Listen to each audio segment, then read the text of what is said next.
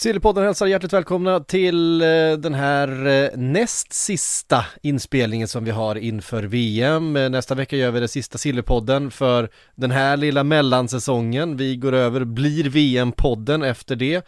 Eh, ska fokusera på VM under de sex veckorna som följer. Det börjar än så länge väldigt lite VM-feber. Jag tänkte precis säga, är det så nära? Då har jag lite saker jag måste göra efter det här. Till vår VM Jag tänkte att det var mycket längre kvar i tiden, ja det, så är det när man är tidsoptimist. Men Ja. ja, det, ja så är det ju för sig, ja det är ju väldigt snart Det är VM Ja, eh, vi, vi kommer till det och vi ska ta oss över den bron när vi når den. Men eh, först så ska vi avhandla lite Champions League, vi ska avhandla Eh, ja, vad ska vi mer prata om? Vi ska prata om eh, en ny sportchef i eh, Chelsea, i alla fall en chefsrekryterare.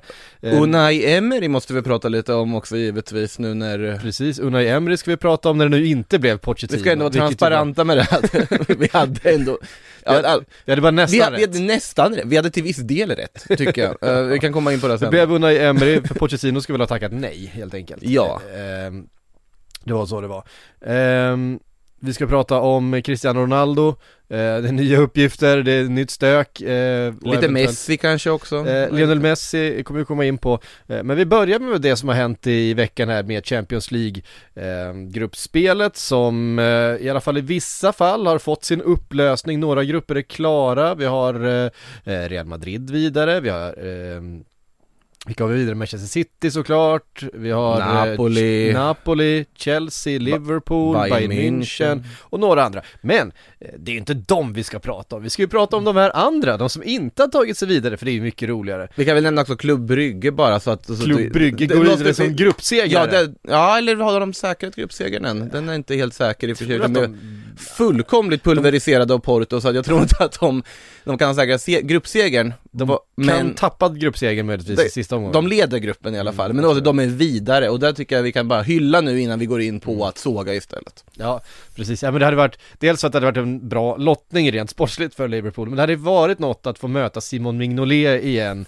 Ehm, det känns som att man har, man har fortfarande kärlek för Simon Mignolet, även om vi har liksom gått vidare. Det tänker Eh, de säkert när de sitter och värmer bollarna till åttondelsfinalen där, att ja men det här hade varit en kul matchup. Simon Mignolet, tillbaka mot Liverpool. Ja, det, det, det, det tror jag inte de tar speciellt mycket hänsyn till. Eh, Nej, andra såna här men comebacks för mig, för mig Ja. personligen hade det varit roligt. Absolut. Ja, vi tar oss in till eh, eh, helgens, eller vad säger veckans begivenheter då.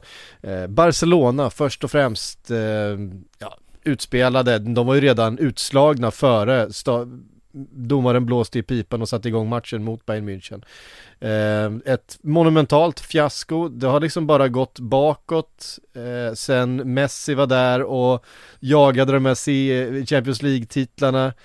Eh, det ena förutmjukande uttåget efter det andra har det ju varit för Barcelona i Champions League eh, under ganska många säsonger men det här kanske är det mest förutmjukande att inte ens ta sig vidare från gruppen. Det här är väl det mest alltså förvånande och sensationella uttåget. Alltså det är lite intressant att det alltid är just Bayern München som får rollen att highlighta problemen i Barcelona.